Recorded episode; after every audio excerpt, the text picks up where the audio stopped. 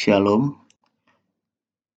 Selamat malam Bapak Ibu serta jemaat yang dikasihi oleh Tuhan kita Yesus Kristus. Bacaan Alkitab atau renungan pada malam hari ini tanggal 16 April 2020 terambil dari kitab Keluaran pasalnya yang kelima ayatnya yang pertama sampai dengan ayatnya yang kesembilan. Di dalam SBU yang Bapak, Ibu, serta jemaat pegang diberi tema Tuhan yang tidak dikenal. Cuplikan ayatnya yang ada di dalam SBU yaitu Keluaran pasal yang kelima ayat yang kedua yang menyatakan Siapakah Tuhan itu yang harus kudengarkan firman-Nya untuk membiarkan orang Israel pergi? Tidak kenal aku Tuhan itu, dan tidak juga aku akan membiarkan orang Israel pergi. Bapak, Ibu, serta saudara yang dikasihi oleh Tuhan Yesus Kristus, Kitab Keluaran pasalnya yang kelima ayat 1 sampai 9 ini menyatakan bahwa bagaimana misi Allah yang mulai dijalankan oleh Musa dan Harun seperti yang sudah diperintahkan oleh Allah di pasal-pasal sebelumnya. Tentunya misi ini merupakan misi yang sangat memberatkan, juga sangat menyulitkan Musa dan Harun. Bahkan di bagian akhir perikop bacaan ini, kita melihat bagaimana Musa dan Harun mendapatkan penolakan dari bangsa Israel itu sendiri, serta Musa menyalahkan Allah. Pada konteks yang pertama, Musa dan Harun harus berhadapan dengan penguasa yang sangat powerful, bengis, serta kejam untuk menyampaikan firman Tuhan yang isinya sangat tidak nyaman bagi Firaun. Bahkan di dalam isinya penuh dengan ancaman.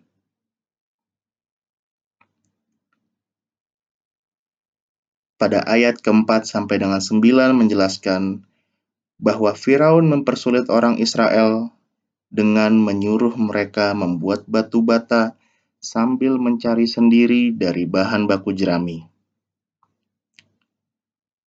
kualitas barang harus sama. Jumlah produksi pun harus sama. Tetapi pekerjaan menjadi sangat berat karena mereka harus bangun lebih pagi, berangkat mencari bahan baku yang makin lama makin sedikit, dan mereka harus berebutan dengan sesama orang Israel untuk mendapatkannya. Inilah respon dari Firaun kepada Musa dan Harun yang hari itu datang kepadanya.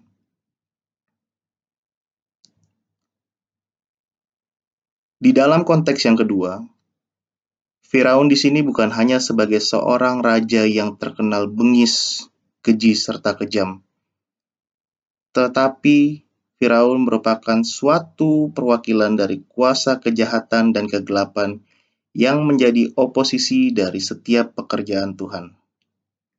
Firaun tidak pernah bersikap netral dalam hal ini.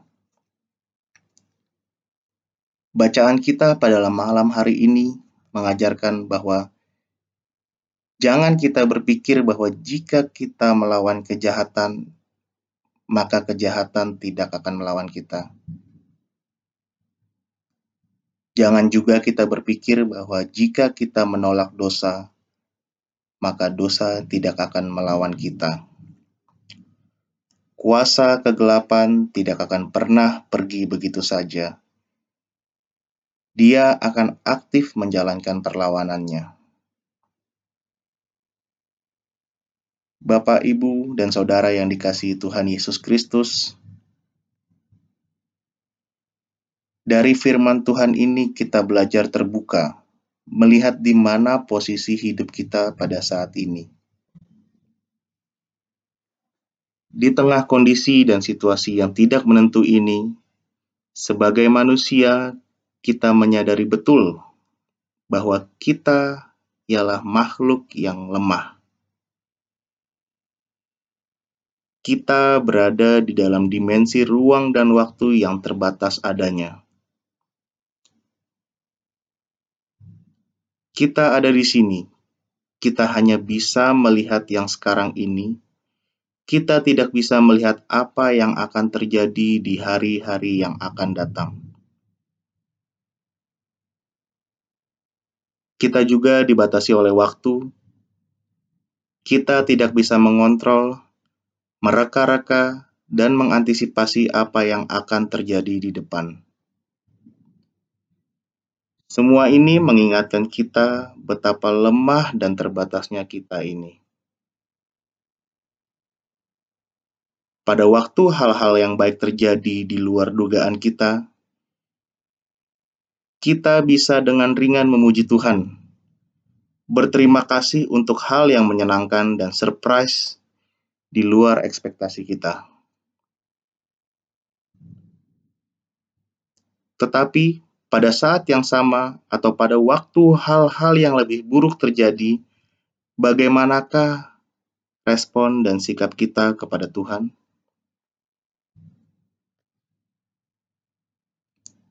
Itulah sebabnya kita perlu bersandar dan meminta pertolongan dari Tuhan kita Yesus Kristus untuk menjalani hidup kita setiap hari.